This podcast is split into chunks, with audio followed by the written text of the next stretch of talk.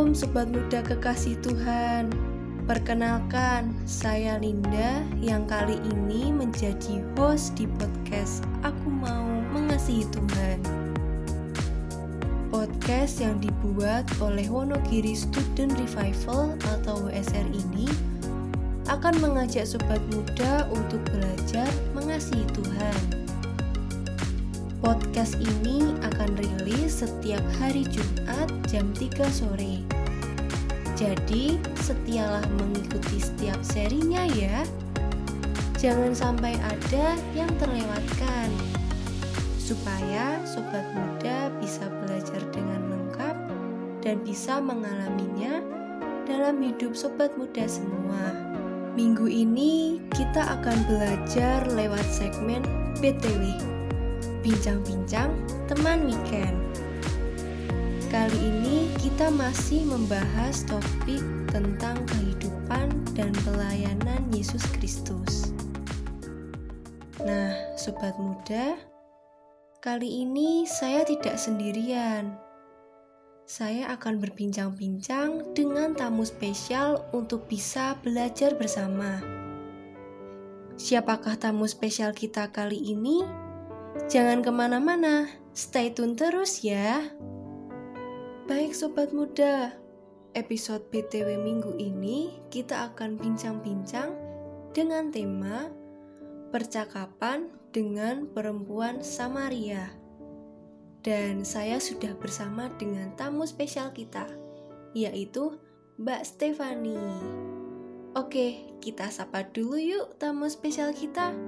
Halo Mbak Stefani. Bagaimana kabarnya? Halo Linda dan sobat muda semua. Bersyukur kepada Tuhan, kabar saya baik dan sehat. Linda sendiri bagaimana kabarnya? Wah, bersyukur kabar saya baik dan sehat juga Mbak Stefani. Kiranya sobat muda yang sedang mendengarkan podcast kali ini juga sedang dalam keadaan baik ya. Oke, Minggu lalu kita sudah belajar tentang kesaksian Yohanes Pembaptis.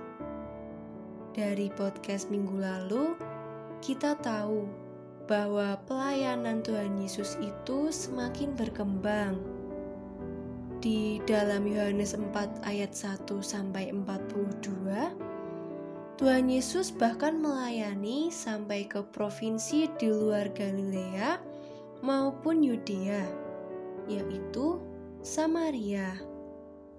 Sesuai tema kali ini, apa sih Mbak yang dilakukan Tuhan Yesus kepada perempuan di Samaria ini?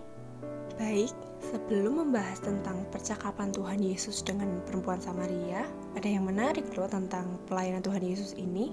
Sebenarnya, pelayanan yang dilakukan Tuhan Yesus di Samaria ini sangat jarang dilakukan oleh orang Yahudi, bahkan tidak pernah dilakukan. Wah, saya jadi penasaran nih, Mbak. Apa yang salah dengan Samaria sehingga orang Yahudi pada waktu itu menghindari Samaria?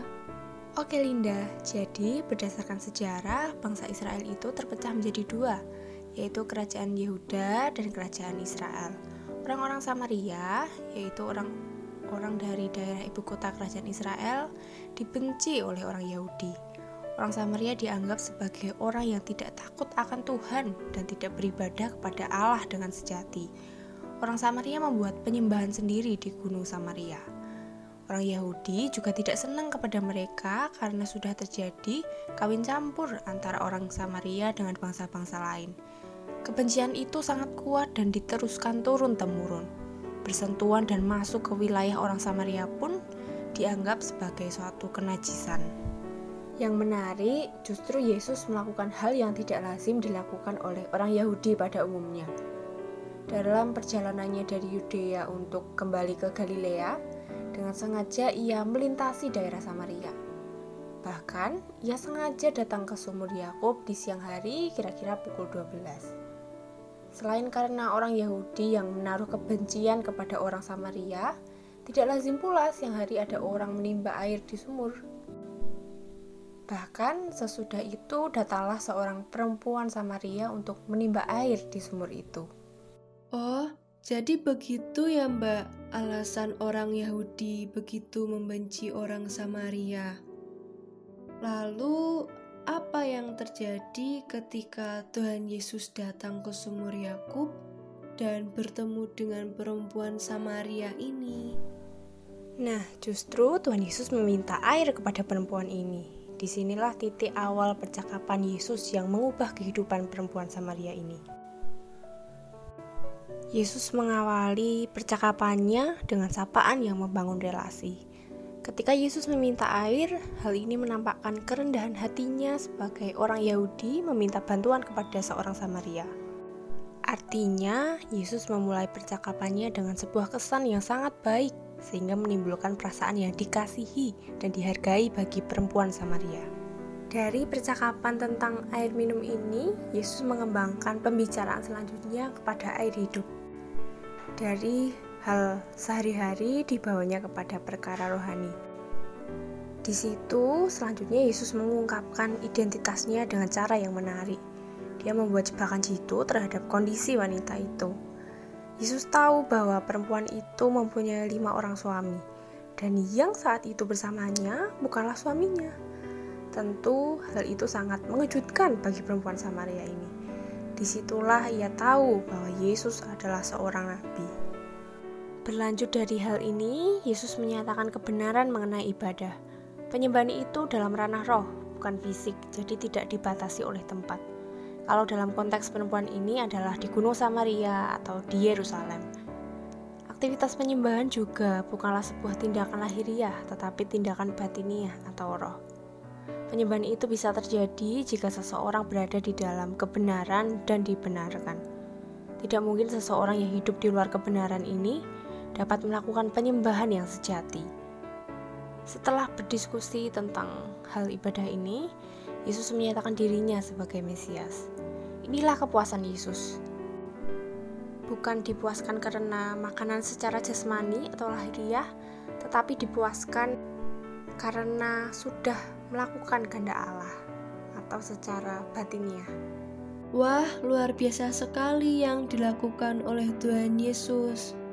Dengan kerendahan hati meminta bantuan kepada seorang Samaria dan mau bercakap-cakap dengan perempuan Samaria ini. Lalu, ketika Tuhan Yesus menyatakan kebenaran dan menyatakan dirinya sebagai Mesias, apa respon dari perempuan Samaria ini, Mbak? Perjumpaan pribadi perempuan Samaria dengan Yesus ini membuatnya menjadi percaya kepada Tuhan Yesus. Bahkan dia bersaksi kepada orang-orang di kota. Sejak waktu itu, banyak orang Samaria juga menjadi percaya kepada Tuhan Yesus setelah mendengar kesaksian perempuan tadi. Bahkan mereka meminta Yesus tinggal di situ dua hari lamanya. Menarik sekali perbincangan kita hari ini, Mbak Stefani. Dari kesaksian perempuan Samaria dapat membawa banyak orang menjadi percaya juga bahwa Tuhan Yesus adalah sungguh Mesias. Betul, Linda. Hal ini menjadi perenungan juga bagi kita semua. Ingatkah kita mengenai peristiwa perjumpaan pribadi kita dengan Tuhan Yesus? Apakah peristiwa perjumpaan pribadi dengan Tuhan Yesus ini juga membuat kita pergi bersaksi kepada orang lain, sehingga banyak orang akan mendengar mengenai Kristus dan percaya kepadanya? Wah, pertanyaan yang menarik untuk kita renungkan ya sobat muda. Oke Mbak Stefani, terima kasih ya sudah menjadi teman berbincang kali ini. Kiranya Perbincangan kali ini memberkati sobat muda semua. Tuhan Yesus memberkati Mbak Stefani. Sama-sama Linda, kiranya Tuhan memberkati Linda dan sobat muda semua. Tetap jaga kesehatan ya. Sampai jumpa.